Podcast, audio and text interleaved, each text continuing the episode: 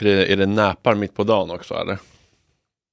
Alltså jag snittar så här 12 timmars sömn om dagen. Wow. Hello. Hello. Hello. Hi again. Hi. Hej! You've been cheating with other Swedish podcasters. Yes, I have. yeah, yeah. I'm uh, I, I'm polyamorous. I, I forgot to tell you. Podcast polyamorous.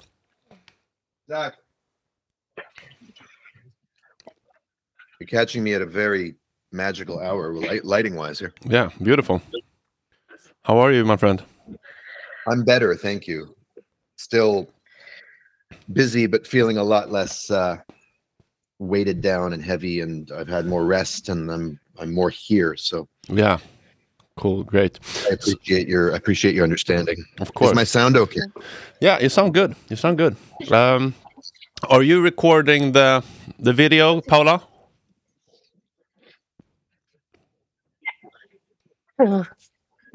Soon. Great. So, how was the conversation with Mona? Um, it was wonderful. Yeah? It was very very moving, actually. Yeah, Nice. Nice. she's terrific. Cool. So, um, Are we ready? Are we ready? Yeah. Last last time, uh, Paula introduced herself a little bit um, uh, for you, Daniel. Do you want to re- reciprocate? Sure. So we'll start as if we're just starting from here. Is Yeah. this just audio, or is it going to be video too? Um, Video yeah, video, if it's okay. Sure. Yeah. So it's nice to meet you, Paula and uh, Frederick. Good to see you again. Yeah. I guess by way of introduction, I'm a Canadian-born person living in New York City, where here in Brooklyn, I I've always felt in some ways more at home. Um, I moved here to study musical theater writing, which is a good thing to do in New York City. I still write musicals. Um, that's my creative pursuit, and hopefully, it's you know got a future as a um, as a some kind of lucrative profession. But it's they say you can make a killing on Broadway, but you can't make a living, and I'm nowhere near Broadway yet. So Mm. it's um, you know my my musicals are are little children of mine that I have to just keep helping along and try to help them grow into the world. Um, but besides that, I'm an avid music lover. You can see my guitars behind me. I've got a piano over there and listen to a lot of records these days. I professionally also do something I call mental chiropractic, which is a it's not therapy, it's not coaching, but it's something in that world of working with people to help them sort things out in their life. I take walks with people and help them get unstuck in their mindset. So it's about helping people discover what is keeping them stuck um, in situations in their lives. And uh, that's, I love that kind of work. It's great. I do that about once a day. And uh, I do it mostly by phone because most of my clients are all over the world. And the website is walkwithdaniel.com. If anyone wants to check it out, you can book a 15 minute session with me to have a conversation to, you know, that's a free consult to see if it's a fit. And then there's um, my collaboration with my father, Gabor Maté. We've written a book together, The Myth of Normal, which has been published in like 32 languages and was a bestseller on the New York Times list. And we are now on the hook to write another book. and uh, we're kind of uh, we're in the process of of doing that now. Do And that's about parent adult child relationships. do you know how many uh, X the, the myth has sold? How many copies? hmm I have no idea. Oh, X is the Swedish word. Uh, förlåt. Uh, yeah, copies. Sorry. Yeah. I, I have no idea, uh, but I do know it's enough that uh, I've seen some royalties, which is very nice because, as I said, musical theater does not pay. Mhm. okay, is that is that are you ha- happy with that, Paula? Yeah. Yeah. what's uh, what's your first question, Paula? Oh, do you want me to start? if you if you want, I can start. yeah, yeah, go ahead. Yeah. Uh, well, I, I've been feeling really, really, really shitty lately. I've been like addicted to Al Jazeera, and I've been watching so uh, much uh, horrific footage, and I've been so emotionally unstable and angry and pushed people away. And I've been on a strike. I don't work. I've been sitting outside the parliament for uh, seven days, and I feel like I'm screaming into this great void. No one is listening. Nobody cares and uh, I, I almost I, bro- I broke down last night and I, I cried and I said I don't want to be a part of this system. I don't want to live. I don't I don't want I don't want to buy Christmas presents. I can't be a part of this toxic system. And then I did 10 gra- grams of magic mushrooms and I had a wild trip. And then I woke up this morning. I woke up this morning and I was like fuck it, Frederick. I deserve to feel good. I deserve to be happy. I deserve to enjoy my life and feel love and give love. And uh, I, I can't, I can't take this anymore. I'm gonna log out. Um, obviously, I have a hard time finding balance in my life. Uh, I'm either on or off. Um, how do you, how do you protect your mental and physical health and find a balance? How much pain you you take in? And, yeah. What's your thoughts? That's a great. uh, That's a great question, and thank you for sharing what's in the background of it for you because it, it makes it very real for me. Yeah. Like you could have just asked me, "Hey, how can we take care of our mental health?" and I wouldn't know what to say. But given that you've offered yourself up as a case study, I mean, look, I always try to look for the yes and answer, the the both and as opposed to these either ors. hmm So on the one hand, yeah, you deserve to be happy. You deserve to have pleasure in your life.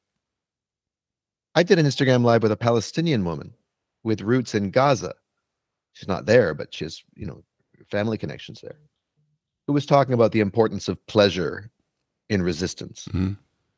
That it's a way of defying the oppressor's mindset to make our keep ourselves connected to life, and that we see pictures of Palestinians when they're not running for their lives in Gaza. They're dancing, they're playing, they're you know, like nothing kills that spirit, right? So who are we in a sense to be so um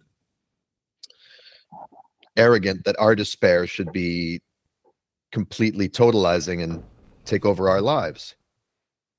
Usually when that happens, it's not really about Palestine anymore. It's about our own stuff. I'm assuming this is not the first time in your life that you've had the thought or the feeling, fuck it, I want out. Hmm. Fuck this system. I don't want to be a part of this.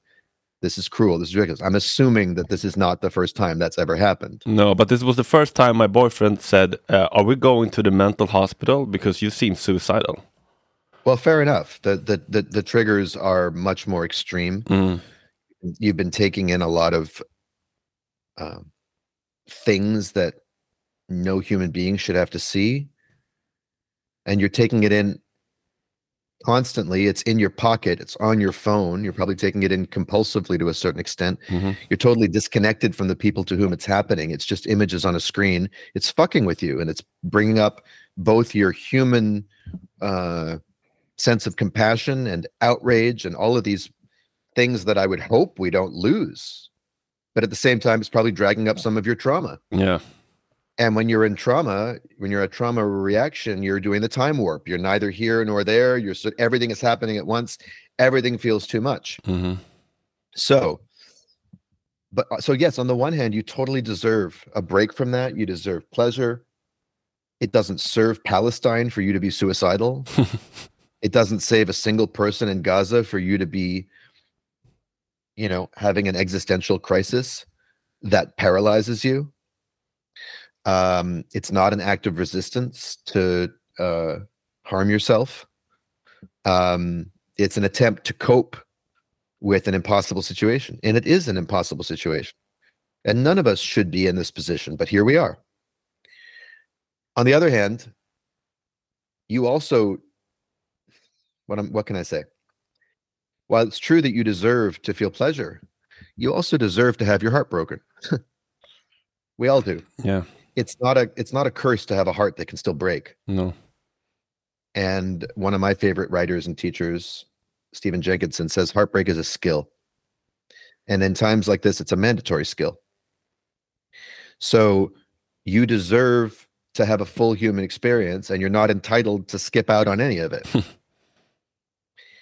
Now, another one of my favorite teachers, a spiritual teacher named Adyashanti, when asked, What do you say to suicidal people? He says, This may sound strange, but I tell them, That's great. What is it in you that's ready to die?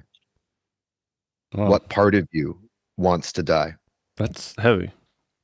It's heavy, but it's also light. There's a kind of um, huge opening in that because Mhm. then, because what the mind will do, especially the traumatized mind, will say, This is intolerable. Get me out of here. Mhm. and the because it completely identifies with the body and the physical life it thinks the only way out is to end the whole thing Yeah, but if I could ease this pain, if I if I can ease this pain without dying, would I still want to die? No. or if i could e- or if i could ease into this pain Yeah. Yeah. Hmm. you know what i'm saying like Mhm. like ease into the bath like if i could find a way what is it in me that's ready to die? And if you actually take a look into that pain what is that pain actually saying? Well part of it is saying free palestine and part of it's saying fuck the people who are doing this and part of it is saying fuck my government for standing by it and we're living in such an unjust world. Part of it is saying i have no voice and i'm powerless and i hate this life. Part of it is saying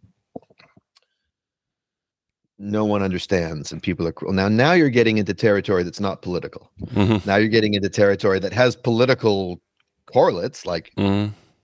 it's true that we have no power in the political system but what that's going to trigger for each of us we're carrying from our own childhoods and our own Mhm. histories and we bring the meaning because some people will take that and say yeah okay we can't affect what benjamin netanyahu or joe biden or even bernie sanders that fucker uh, do you know but okay let's let's see what we can do we'll focus on what we can do Yeah.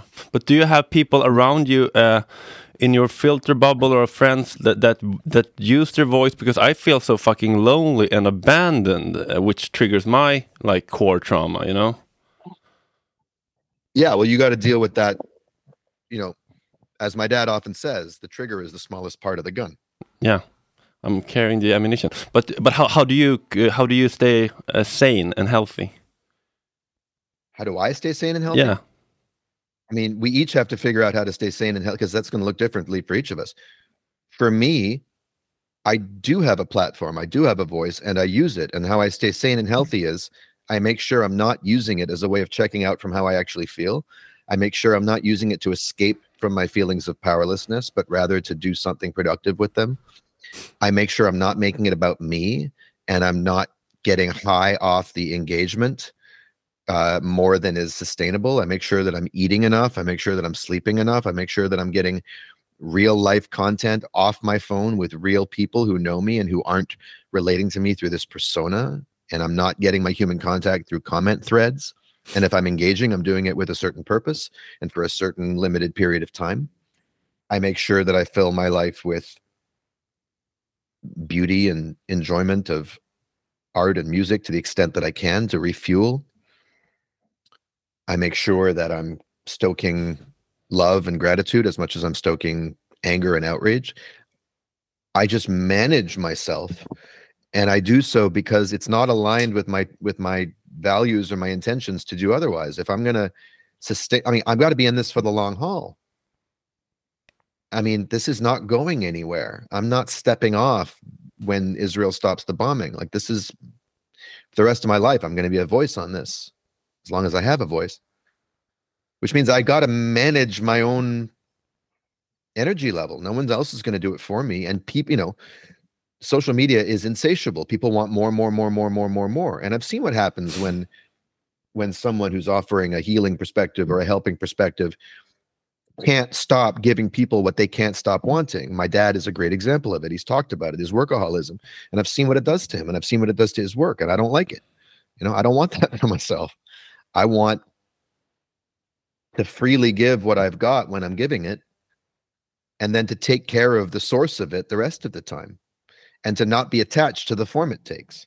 So hmm. that if this was to end tomorrow, or if Instagram was to cease to exist, my entire identity wouldn't fall apart.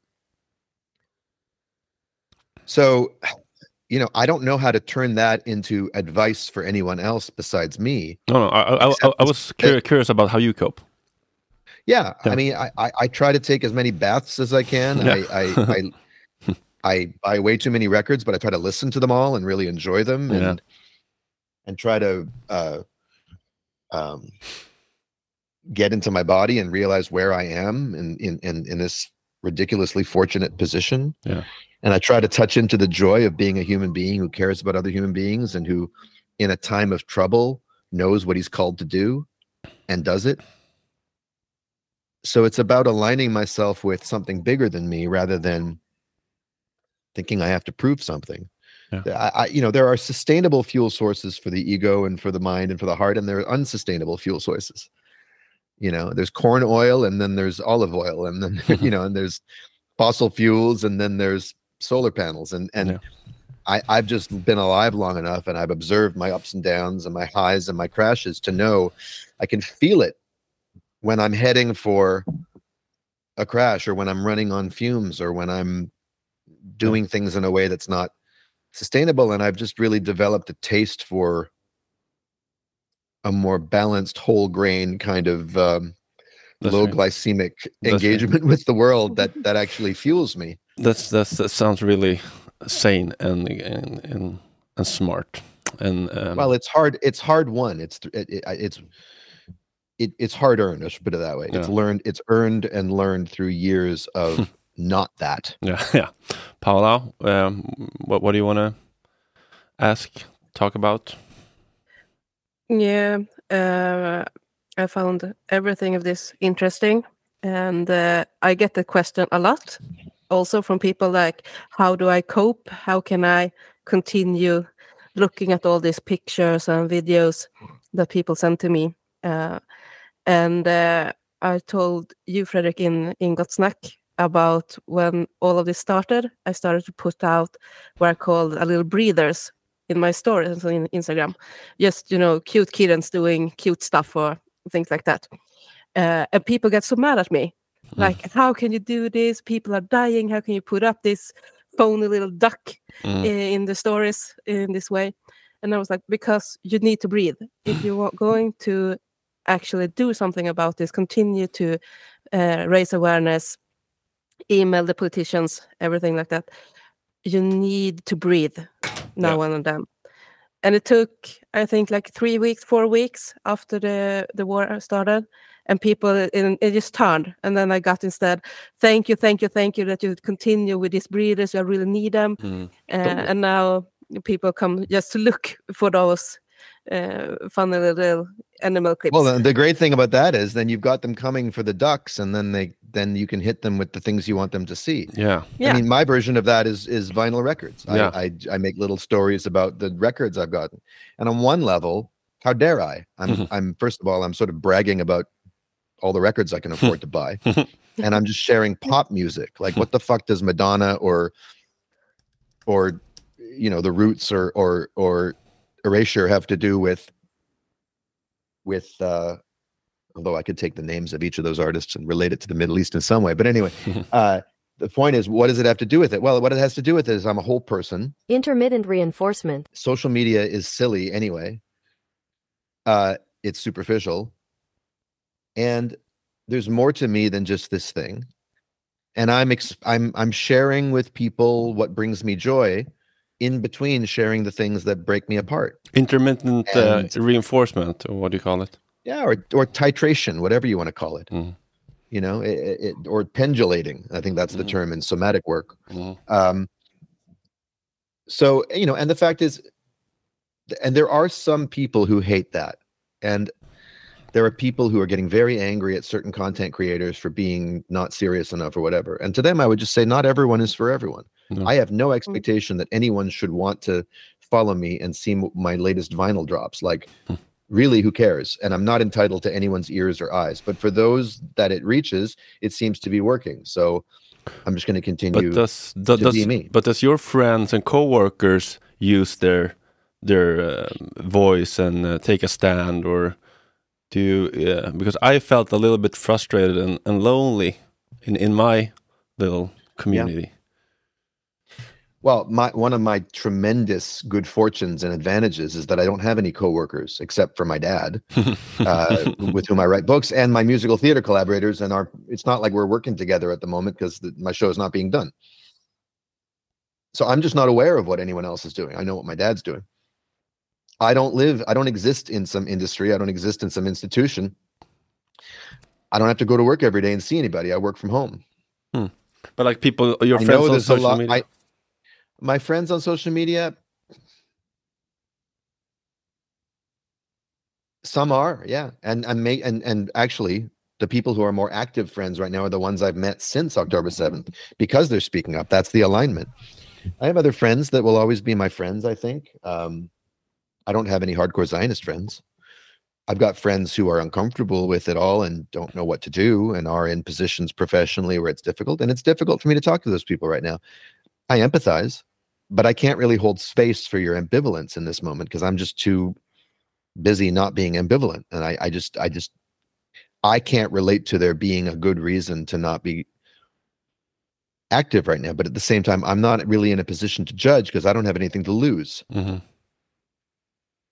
You know, I don't Yeah. know how much courage I would have if I had more to lose, but I don't. But it also means I just don't have space to have a lot of conversations that are kind of wishy washy. Mhm. So, you know, again, I'm not a very representative person to ask about No. that because, you know, I've, I've spent some time with like a big, well, I'll even say it like Susan Sarandon and I hung out a few weeks ago and I went over to her place and helped her craft a statement Mm. because she got dropped by her talent agency. Mhm. And there's someone who is very accomplished in her field and you would think is uncancelable, Mhm. but she got dropped by her talent agency and very few of her Hollywood colleagues stepped up to like support her. Wow, because You she know, because the- she spoke out of, uh, for Palestine. She spoke at a Palestine rally and she said some very mild things. She said one thing that she wished she could have taken back. It was poorly worded. Uh-huh. It was, you know, it was just a, a clumsy thing to say. But there was nothing awful that she said, and most of it was great. But the fact is, we're living in a time where the stack, the, the deck is stacked so much against people who speak out for the Palestinians. Uh, and as a Jewish person, it pisses me off to no end because if I hated Jews, all I would have to do is look out into the world and find a lot of evidence why I should hate Jews. I hate to say that. That's terrible. That's never been the case before with anti Semitism. In the past, anti Semitism was 100% and totally irrational. It was all happening in the imagination, the fevered, diseased imagination of the anti Semites who are projecting their shit onto Jewish people. These days, the unfortunate thing is there's a country that calls itself the Jewish state that's doing things in the name of the Jewish people, flying a Jewish star in its flag, singing about the Jewish soul in its national anthem. And you got Jews all over the world, as well as Christian Zionists, but mainstream Jews. In fact, there's way more Christian Zionists than there are Jewish Zionists. But if I was looking for reasons to think nasty things about Jews, I'd be able to find it right now. And that fucking enrages me. Mm. Because I I don't I don't want to be associated with that. And it it, it because of course I and I can see the cycle of it. Now you see they hate us, hmm right? And historically, yeah, anytime people start rise resenting Jews, it's a bad sign that people have lost touch with reality. Right now, it's a little more complicated. That doesn't justify anti-Semitism. That just doesn't justify bigotry. But I don't blame any Palestinian, for instance, who, if their only experience of Jews has been either soldiers raiding their homes in the middle of the night, kidnapping their children, bombing their homes from planes high above, sniping at them, or the government of that military ordering them, or people all around the world who are so indifferent to your plight that they even cheer on what the com- country's doing, or they just kind of shrug their shoulders. I don't know. If I was a less sophisticated thinker, if I if I had lost family, there are all kinds of reasons I might draw some really nasty conclusions. I posted something from a Palestinian person saying I used to be an anti-Semite, and she explained, not in a vicious way, but that she just harbored some kind of latent biases about Jews based on her experience of them growing up in the West Bank, Hmm. or maybe it was Gaza. I forget. Then she moved to the States, went to school, met some anti Zionist Jews, and realized she was completely wrong. Mm. Well, that's a miracle. That's great. But do I blame her for having absorbed views of Jews based on her experiences of them? Absolutely not. Just like my grandparents carried with them to the day they died a certain view of Germans, and the sound of that language set their teeth on edge for very good reason, and Yeah. probably wouldn't have been very happy around Dutch people either or Poles. I don't know how Swedes were to Jews in the in in the Second World War. I don't really know that history. Neutral. Uh, right, neutral, exactly. Mhm. So there, so so that kind of that kind of uh, uh, malign neutrality. I I wouldn't blame anybody who lived through that era and barely lived through that era or lost people in that era from carrying some prejudices, some generalizations, some stereotypes. That's what we do Yeah. as human beings. It's a shor- it's a Mm. shortcut for self protection. And if the time was right, I might argue with them. I might persuade them. I might try to say, "Hey," but in this moment, I have no right to tell anybody what to think if they're watching their people get annihilated and demolished, and there's another people whose mainstream leaders are standing by and justifying it Yeah. and trying to Mm. silence anyone who speaks out against it. Have you had any, any comments or um, discussions with people that has uh, shifted your perspective or changed your mind a little bit l- lately, or are people just uh, saying stupid shit? Mostly, people are just saying stupid shit because it's shit I've always I've, heard, I've been hearing all my life. Yeah. There's nothing creative. Like it's, it's just boring. no, yeah, they have they have their manu- know when I- manual with their uh, propaganda. That's exactly right. They're exactly right. Where my perspective shifts is when people show them a, show me a different side of them. hmm Uh, when they show me that they're able to hold multiple thoughts at once, hmm and then my and then my stereotypes shift. You know, I'm in touch with one person who's become a friend, who um,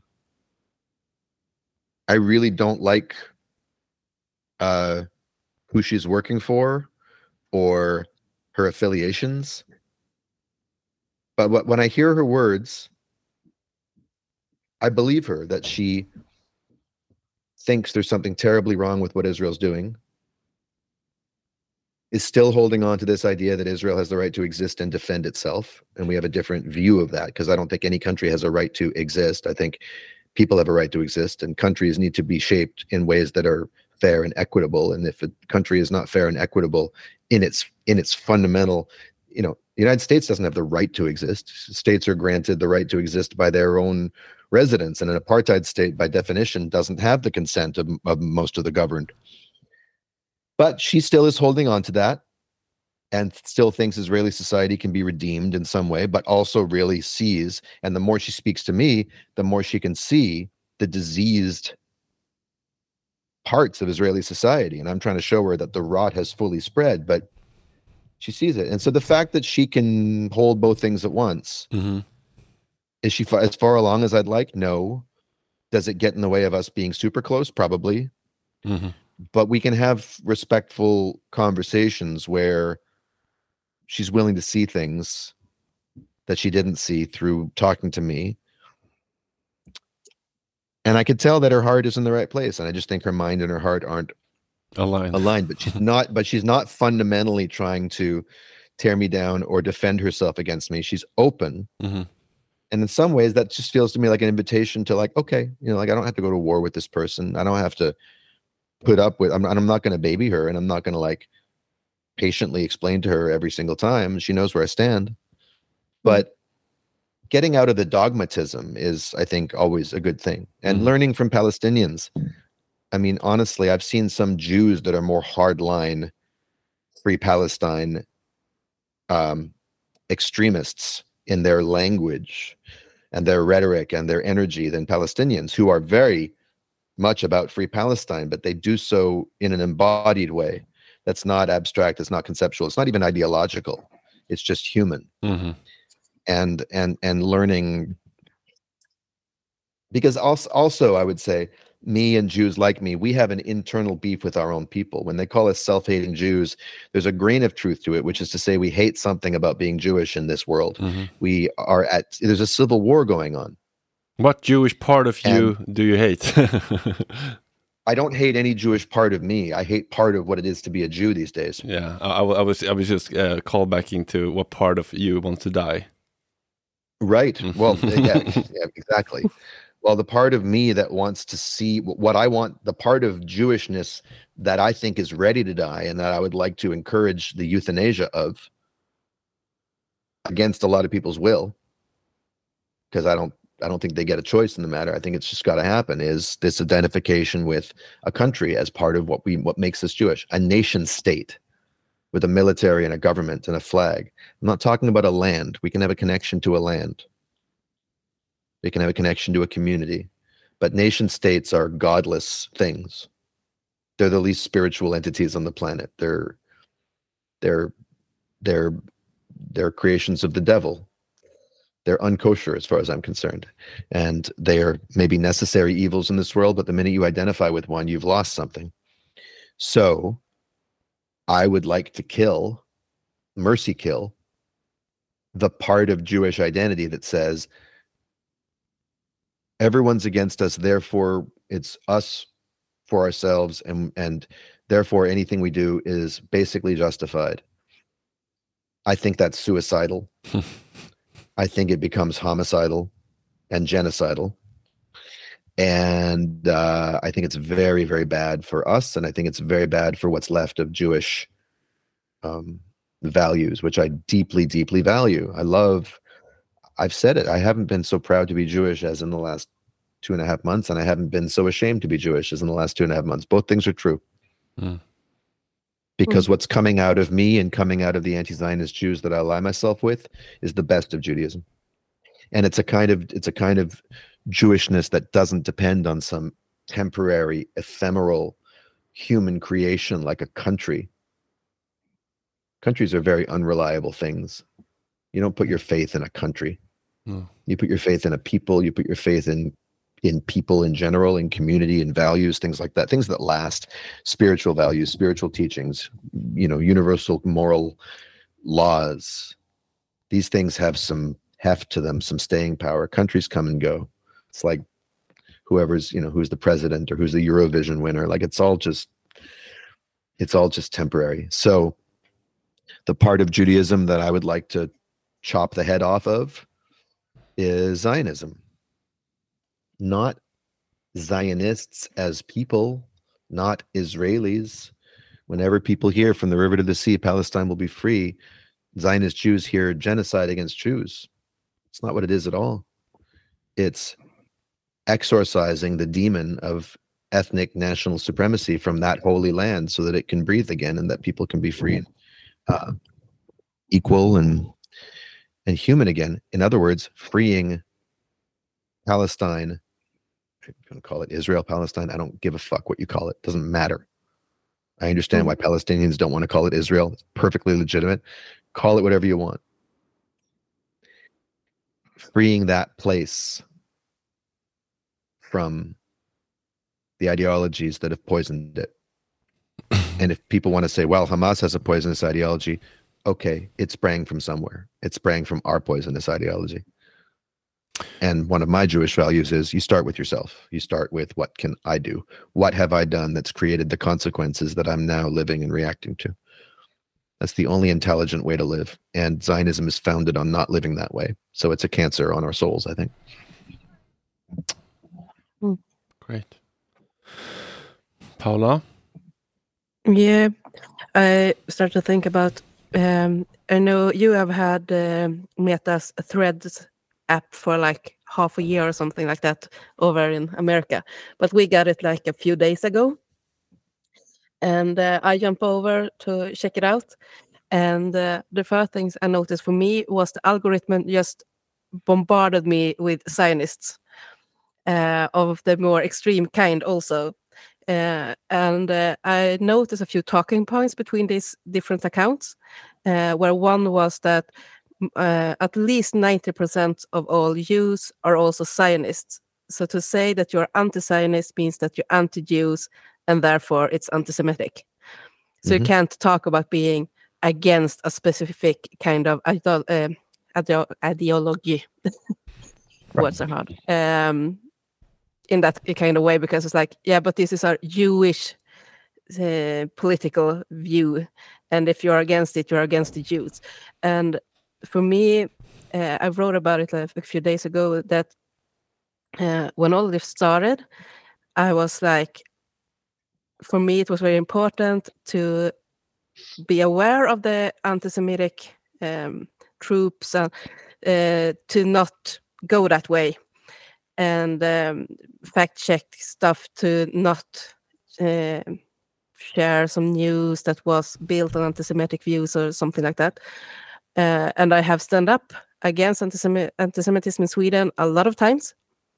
But as time has gone, and there's more and more um, stuff being debunked from what the IOF have been saying, where I can see that they are lying.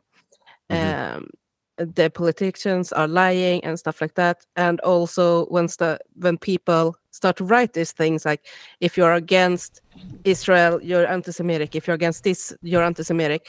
And I start to be like this white middle-aged dude saying, you know, you can't say anything these days without being a racist. and I start to feel that way now against Israel. Well, that's the funny part is that a lot of these pro-Israel people were so anti-woke four months ago. Yeah. hmm You know, when trans people said that they were feeling threatened on college campuses and unsafe, and there's a genocide against them. Not even getting into that issue, but Mm. right wingers love to make fun, like Ben Shapiro and Bari Weiss. Yeah. These Zionists love to just make fun of them and tear them down. Oh, you snowflakes, you know, you Yeah. pretty little feelings, you privileged people.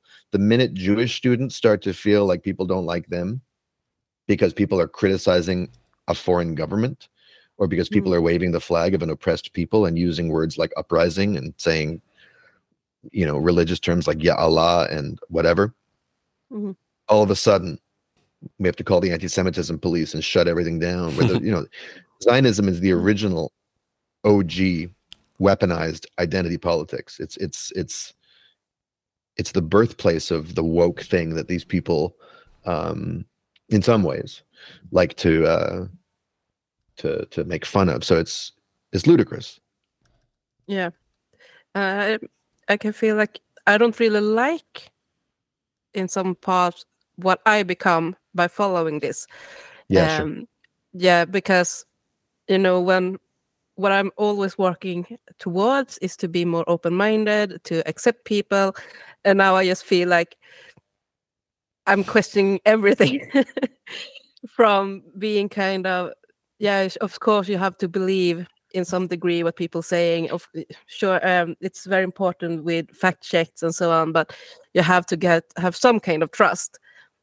And now I feel like the most conspiratory Hmm. person in the world when everything I get from, uh, especially the the AOF, is just like, nah, nah, nah, nah, nah. nah. Well, I'm what not you, going to believe you- this. You, you're talking about what you get from the Israeli army?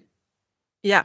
Okay, well, you don't need to get conspiratorial. This is the thing. Conspiracy theories usually go too far. People are looking to understand people are afraid and they want to find an explanation. So 9/11 was a scary, rupturous thing that ruptured the fabric of our reality. It was not supposed to happen, right?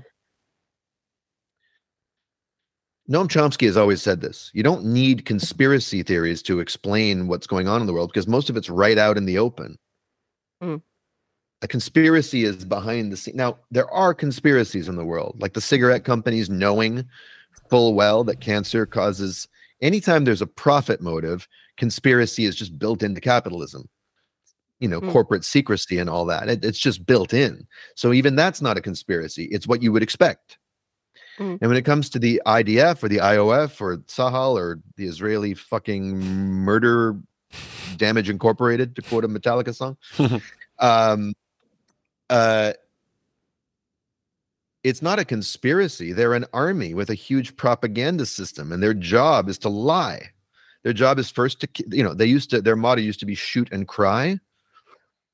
Like we we have to kill Palestinians and we feel so bad about it. Like Mm. Golda Meir said, we can forgive the Arabs for killing our sons, but we can never forgive them for making us kill their sons. Like Mhm. Hitler's passive aggressive Jewish nanny, Mhm. you know. Now it's shoot and lie. know just right so shoot and cry is is literally, literally the i don't know i don't even think it was a joke it was like this is the israeli mentality we shoot and cry no The Israeli army's mandate is to shoot and lie. And that's what all armies do. But Israel's raised it to a fine art, but now they've raised it to a, a, a burlesque, like a kitschy, campy, over the top Broadway musical version that's just so ridiculous you almost have to laugh. Like they're so bad at it. it the, the production values are so high and the writing is so terrible. Mhm. It's just in such bad taste at this point. But they lie. And everything they say is a lie. And there's a Hungarian expression when something is so false that not even the opposite is true. Mhm. That's them. and every accusation is a confession. So, in Yeah. fact, they're kind of a reliable source of information if you know how to filter it. Mhm. Number one, whatever they say is bullshit. Number two, whatever they accuse other people of is what they're doing. Mhm. And number three, to the extent that they're playing on our sentiments and our emotions and whatever, that's how desperate they feel. That's how much they feel they're losing, you know? And um, so I don't think you have to go to a conspiracy mindset. Intellectual self defense is just being woke in the original sense of the word woke, the original African American sense of the word. Stay woke, brother. Stay woke, sister. Keep your eyes open. Don't be fooled. Don't let them pull the wool over your eyes. We hmm. all have to do that. And when you're dealing with an army that's got an entire propaganda arm and that is putting out all this information in English to credulous Americans and trying to convince them that it's a feminist cause and a pro queer cause to, you know, bomb innocent Palestinians into the Stone Age. You just put your Yeah. filters on, put your filters on, Ex- expect you're going to get lied to, and then work with it, you know, like, and part of what I do on social media is to satirize it, to poke a hole in it. The emperor has no clothes, to make fun of it. Yeah, I don't think I am conspiracy uh, theory. What's the word? Yeah, whatever. Uh, Yeah, you're not a conspiracy I theorist. Yeah, uh, but it's something about how stuff is worded.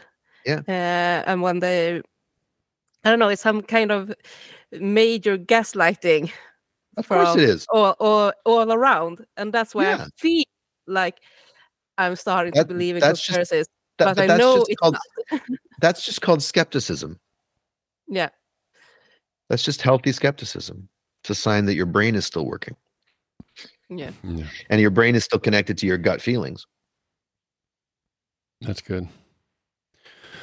So I, I I can't even comprehend the volume of trauma that is right now being produced.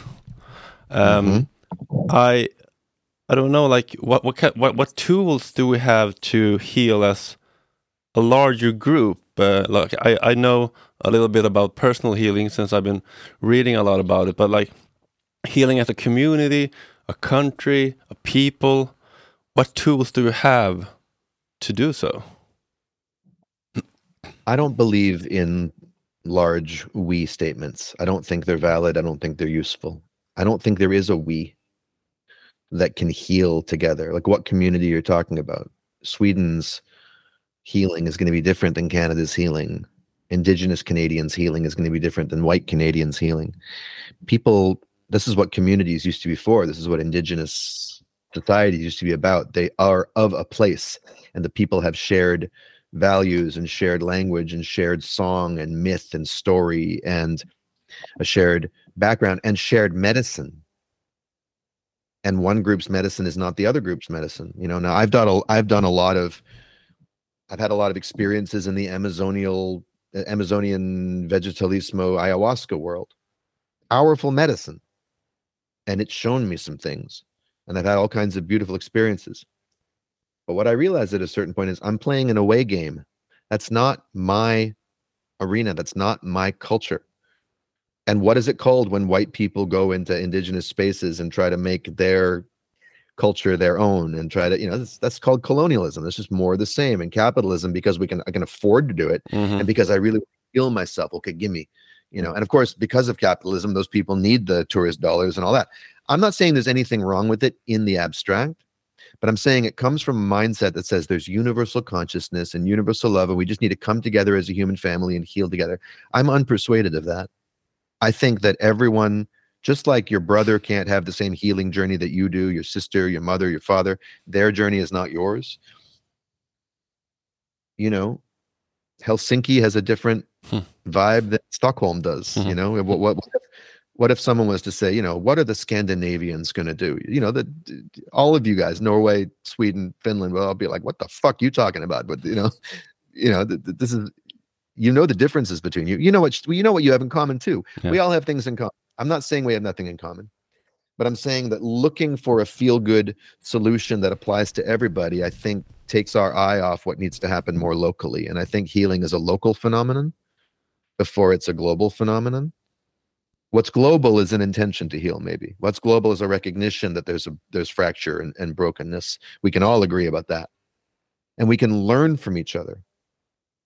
But we have to source our ingredients for our medicine from the rivers that we drink from, mm. from the from the and I'm being a little metaphorical here, but also not. And so the the, the Jewish healing needs to happen. Only we can do it. And that's why me and other anti-Zionist Jews are speaking up right now. We're trying to be part of that medicine. It's a bitter medicine. It's not a medicine a lot anyone re- um, wants to take, but some people do. But we're, we're we're trying to brew it up anyway. You have to get with people who speak your language, who resonate with your pain, to the extent that you can learn from other people. Great, but there's only so much there's not everything is translatable you know there's some words in swedish that which would not translate into Mhm. english Mm. there's some words some expressions in english that you'd have to contort them and you could explain it sort of but you wouldn't get the essence of it Mm. Same thing with every language and i think healing is is a subset of a lot of different more local kinds of medicinal languages if that makes any sense. That's my inclination. I, I guess i could make something up to answer your question but that would only just be there to make people feel temporarily better for a second. I think it actually feels better to look the stark reality in the face which is to say wow we got some work cut out for us. Now there are some universal principles of healing yes. And we we outline that in the book the myth of normal.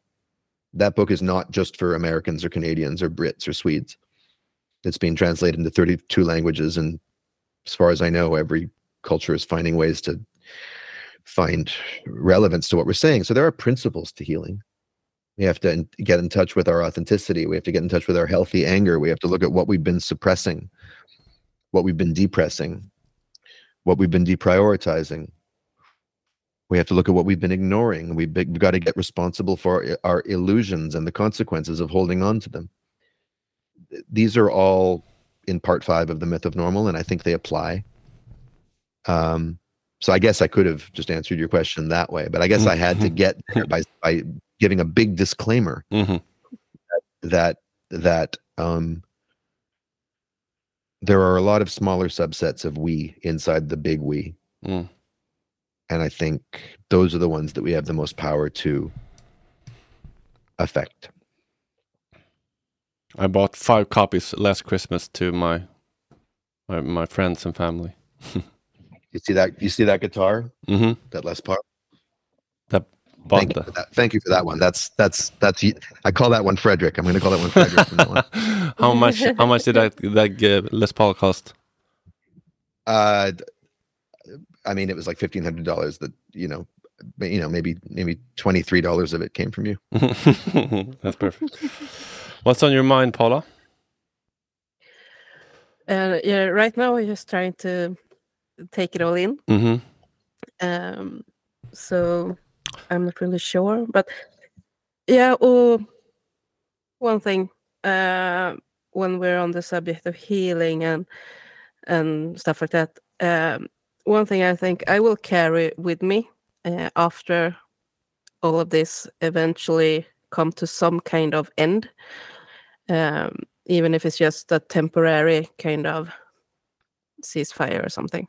But um, I would say that the hardest part afterwards will be the disappointment I feel uh, towards a lot of people that have a platform, that have a Yes. voice, and Yes. that and I- and I can excuse like different kind of you know singers or something like that that normally just post about their music Uh, but what I will have a hard time uh, to accept and continue away from afterwards is the disappointment from those whose whole platform, their whole voice, is because of them being um, activists for children or feminists or talking about uh, safe birth and stuff like that. That Or healers. doesn't- yeah, and that quiet now. They don't say a word about Mhm. what's happening in Gaza. And Yeah. whatever, if they don't want to take it on, only about Gaza, we have a few other uh, ongoing uh, genocides. They can bake it in, but Mm. they don't say anything at all. It's still just, uh, you know, stuff like don't forget to um, if you're the man in the heterosexual relationship don't forget to take on to buy some of the christmas presents so not the woman doesn't do all or something like that or Yeah, or like Something- a skincare routine for for self care or something like that. yeah or Yeah. uh, you know say that i'm standing up for the children and then only talk about the swedish children Mhm. for example and i i mean like you can't say that you're an activist for all the children in the world or a feminist for all the women in the world and not talk about this I agree with you, but what's your question? i don't know it's just uh, something i come to think about about just the healing to some way somehow well, so part of stop so being so angry about it well, no, don't stop being angry about it. That's worth being angry about. You can hold that grudge. There's going to be there's going to be hell to pay. There's going to be accounts to be reckoned with and re- and resolved. Mm. Look, when any kind of systemically oppressive status quo changes, or any kind of oppressive history is reckoned with, you look at the case of South Africa. You look at the case of Canada, although it's more performative in Canada. There are there's a process known as what truth and reconciliation. Hmm. But what's the first step in that? It's not reconciliation and then truth. It's truth and then reconciliation, which means telling the truth about what happened. And there's going to be some truths to tell. Some people spoke up, some people didn't. We do that about the Second World War. We talk about the good Germans, and we do so either shaking our heads or clucking our tongues or wagging our fingers, understandably. People who stood by and watched it happen. Well, we are, nothing's changed. And these are the days we're going to look back on and say, what side were you on? And that will affect some professional and personal relationships, inevitably. It already is. And it should. These are dividing, div- divisionary times. And um, this is a case of, you know, to take a principle from the myth of normal authenticity over attachment. Being authentic means being true to our values and risking personal relationships when not to is to betray ourselves. And we'll always find people with we're more aligned with if some of those relationships fall apart and some of them will just get more superficial and some of them are going to have to have some tough conversations and there's no one way to do it. I'm not here to prescribe anything but your your anger and your disgust is not pathological. It's not something you have to get rid of. It's something you have to learn to be with and conserve and know what to do with when the time is right to do something with it. Now it would be good for you to keep a check on are you mixing it up with your own personal trauma of having been abandoned as a child or you know you know no one's speaking up for you when something bad happens to you. I don't i'm just making stuff up. I don't know your history but many of us have that in our histories. Mhm. and when that's the case then we start trying to play out our own personal trauma on the world stage and we're coming at it with an energy that isn't pure healthy anger but it's stored up suppressed displaced rage and and and help and we're speaking from a place of a hurt toddler as opposed to a grown adult with a moral conscience. And there's a difference. You can hear it and you can feel it. And there's some people in the online space right now not many there are a few who are coming at this and using their followings i think to work out their own shit in a way that does not help the real world movement, even if it sounds good. And we just have to watch out for that in ourselves. My need for attention is one of the ways my trauma plays out, you know, hmm and my playing to the crowd and my, um, I have all kinds of tricks my ego plays. Do you have any any any um, red flags to to look out for when healthy anger turns into hate? On the difference? I don't consider healthy and ang- anger and hate to be opposites. I don't think. I just I, I think healthy anger versus uh, sort of uncontrolled rage. You know, I'm not afraid of hate. Honestly, um, as an emotion, it's just an emotion. I hate Zionism. I really do at this point. I've lost any sense of affection for it. I don't think it's cute anymore. I don't think it's even understandable anymore, even though I can understand it. But I hate what it's doing. I hate what it does to Jewish people's minds. I hate what it's doing to the world and to the earth and to the other human beings I care about. I hate it with all my heart. My brother's been saying he hates Israel with all his heart for some time. It took me a while to get to that place where I could say, I hate Israel. I don't hate Israelis, hmm but I hate that construct. I hate the idea called Israel that's got a physical, you know, I hate what it's doing. And, and countries are what countries do, not what countries claim to be. Yeah. So I love a lot of Israelis and I love that land and I love some of the places, you know, I've got affection for it. And at the same time, I hate it. There's a great movie called The Last Black Man in San Francisco in which uh, one character says, You don't get to hate something unless you love it. Mhm. You don't get to be like, ugh, you know. So you don't get to just move to New York City and be like, oh God, Brooklyn's so expensive or so annoying. no, if you haven't been here, you don't get to hate it. You have to love it before you can hate it. You know, we love our parents, which is why we get to hate our parents sometimes. It's it, it's there's nothing wrong with hate as a fluid emotion that comes and goes Mhm. because it's the flip side of love. If I didn't love it, I wouldn't care. I wouldn't, you know, my hatred wouldn't. Now, hatred as in bitterness, as in bile and poisonous cyclical rage that acts itself out violently and indiscriminately, the kind that leads people, you know, like Anders Breivik and other psychos to do the shit that they do. That's not hate exactly. That's um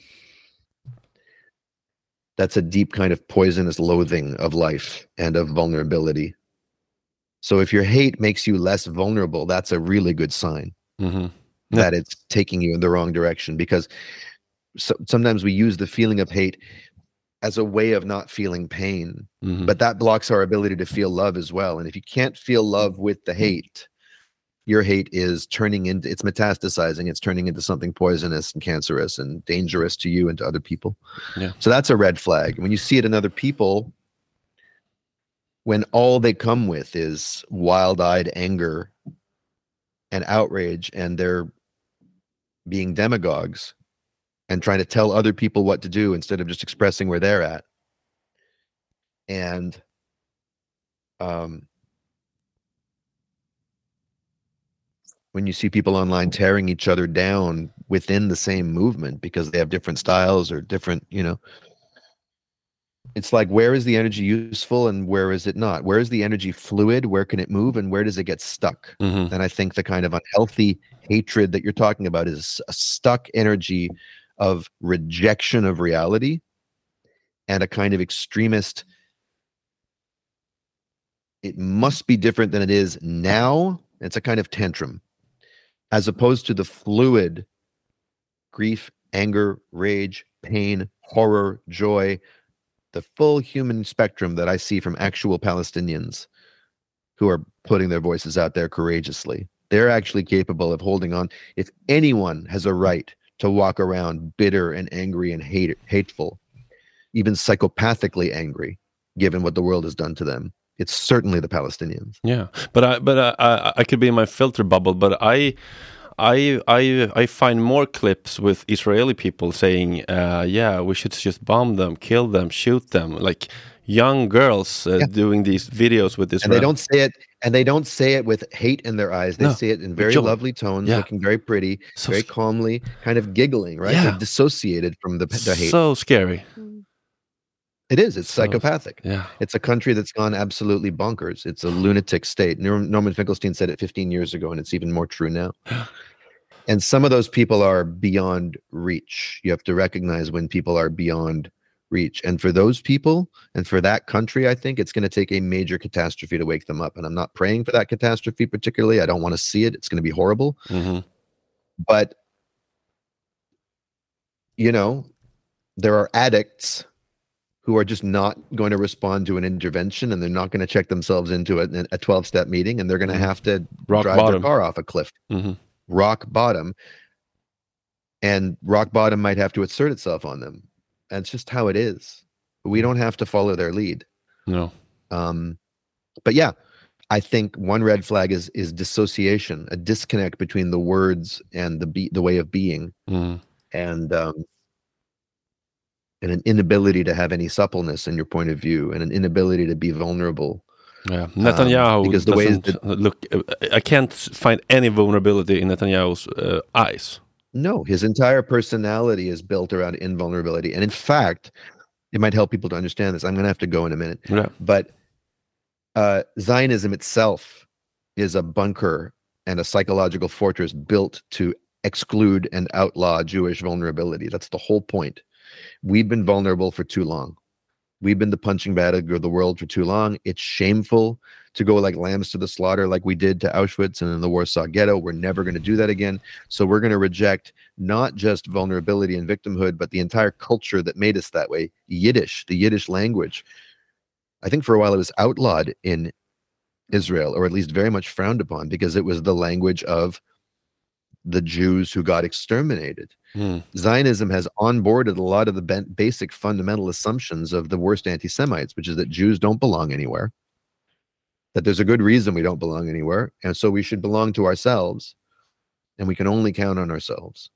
And we should never feel vulnerable again. Well, the best, everything that's great about Judaism has come from our vulnerability, Yeah, to feel the heartache, our intellect, the heartbreak, the heartache, Hmm. the the the the complexity, the pain, the wisdom. All of these things come through genu- genuine suffering and engagement with the difficulties of life. And Zionism is an attempt to build what they used to call a villa in the jungle. That was the you know basically a safe space. Hmm. And I would just say, how's that going for us? They uh, they have rejected the wisdom of trauma. I completely agree. you know, and I never used to like that title very much, but but I get what it means, and it's true. You're exactly right that that Israel sees no wisdom in trauma, which means its only logic is to cause more for other people to outsource it, get it out of here. yeah, I don't want to deal with my own. And you look at Benjamin Netanyahu, you look at Smotrich, uh, Ben Gvir, all these fuckers are completely and totally insulated from their own pain and they're holding their own population hostage, not to mention the Palestinian population in very different ways. Um, and of course, but that's true about our leaders too. We wrote about that in The Myth of Normal. Both Donald Trump and Hillary Clinton scored in like the top quintile for psychopathy. I mean, Benjamin Netanyahu scores even higher, off the charts. off the charts. but, but you know, our leaders are not where we should be looking to for leadership on anything. No. We need to lead them. Yeah. That, that beautiful, another meaningful hour of my life. Thank you so much for this. You're welcome. Are you feeling a little bit more in the world, a little bit more willing to stick around and contribute your gifts for a while and not not take the opt out clause? Yeah, hundred percent, hundred percent. Good. Good. We need you. Yeah, thank you too. And there are things there are things that you can't do everything, Frederick. In fact, you can almost do nothing. I can do almost nothing. Mhm. But there are things that only you can do. Yeah, And that's what that's that's your I keep quoting this. I forget. I need to look up who it was, but some Jewish scholar or rabbi said, "The task is not yours to complete, but neither is it yours to refuse." wise That's word. Jewish wisdom right there. Yeah, there you have it. Any last words, Paula? No, Your I think last words. Perfect. Uh, perfect ending yeah, on this hour, actually. you're you gonna take a you're gonna take a bath now? I might just, yeah. Yeah. Or I'll make another video or something. I don't know. But I- I'm gonna listen to some hip hop. I'm gonna, I'm- or I'm gonna put on some Soundgarden. I think that's what I'm gonna do. I'm gonna listen to some some grunge. It seems like your your days are uh, doing videos, listening to music, showing us your music, and uh, uh, driving around Brooklyn. Yeah, and walking. yeah, walking and talking. And there are things I do. There are things I do that are completely private. that Yeah. won't even share. That's good. like Oh. eating meals, you know, or, or other things. Yeah. Um, I have to have some parts of my life that aren't on display, otherwise I will go bananas. Sounds good. Okay, folks. Peace out. Thanks a lot. Skull. Skål! Free Palestine. Free Palestine. All right, thanks, guys. Have a good one. Bye Do I need to wait for this to upload? No, this is No, it's already recorded. Yeah. it's recorded. It's Okay, when when's it on the coming way out? to my to my. Um, I can I, I can um, post it right now or tomorrow. You just let me know and I'll share it. Okay. Cool. Thanks. All right. Bye bye. Lovely to talk to you. Bye bye. Lovely. Paula, vill du, vill du prata någonting, bara summera upp? Ah, Jesus. Jag måste bara dricka lite vatten.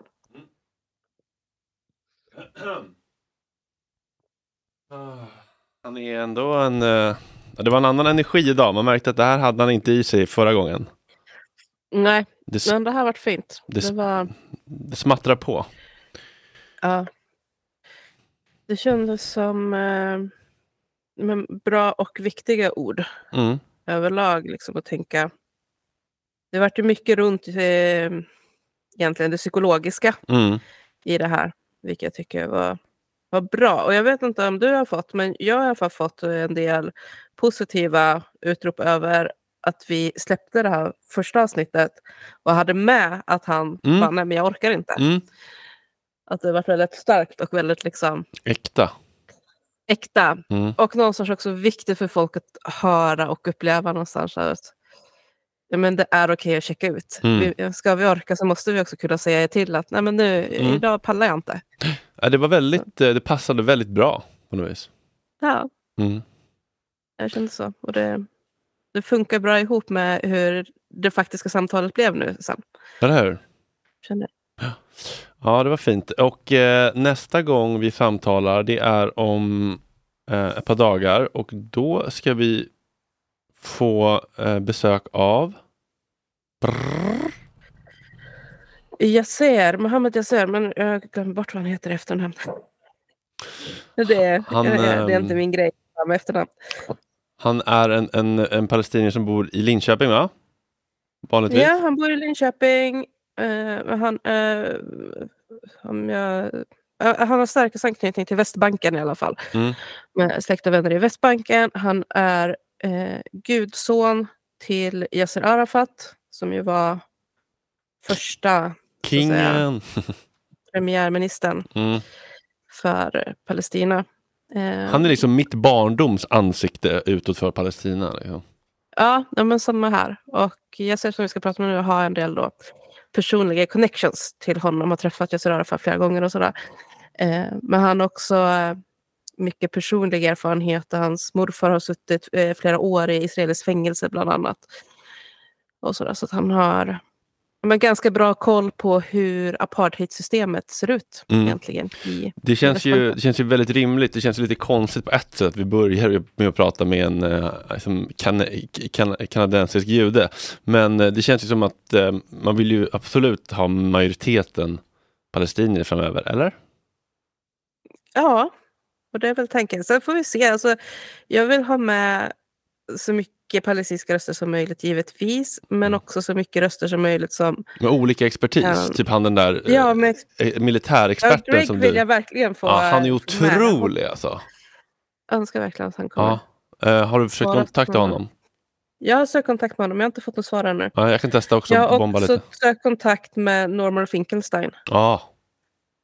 Men han har inte heller svarat på mig ännu. Nej, jag, och jag, mejla- jag tänker mig att det är väldigt mycket tror jag säkert för de här. Ja, exakt. Ja, han som jag mejlade också, Ilan Pappe.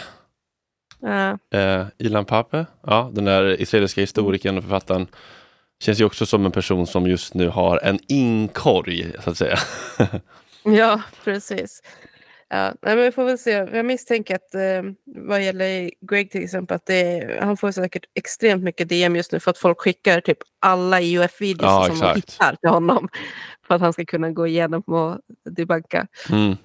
Man kan, man kan hitta några andra mm, vägar in och eh, som sagt om man har, om man har människor som vi tycker vi borde prata med så kan man eh, skriva till oss och för, föreslå eh, namn eller man kan Mm. mejla också på palestinaunderlupp.gmail.com Vi, ehm, ja, vi har ju mycket att, eh, att prata om. Det, det finns eh, många öden och många vinklar och många perspektiv att ehm, få ut där. Det känns ju Mm. viktigt liksom, att göra en tillgänglig och eh, inte tråkig podd om något så tungt. Liksom.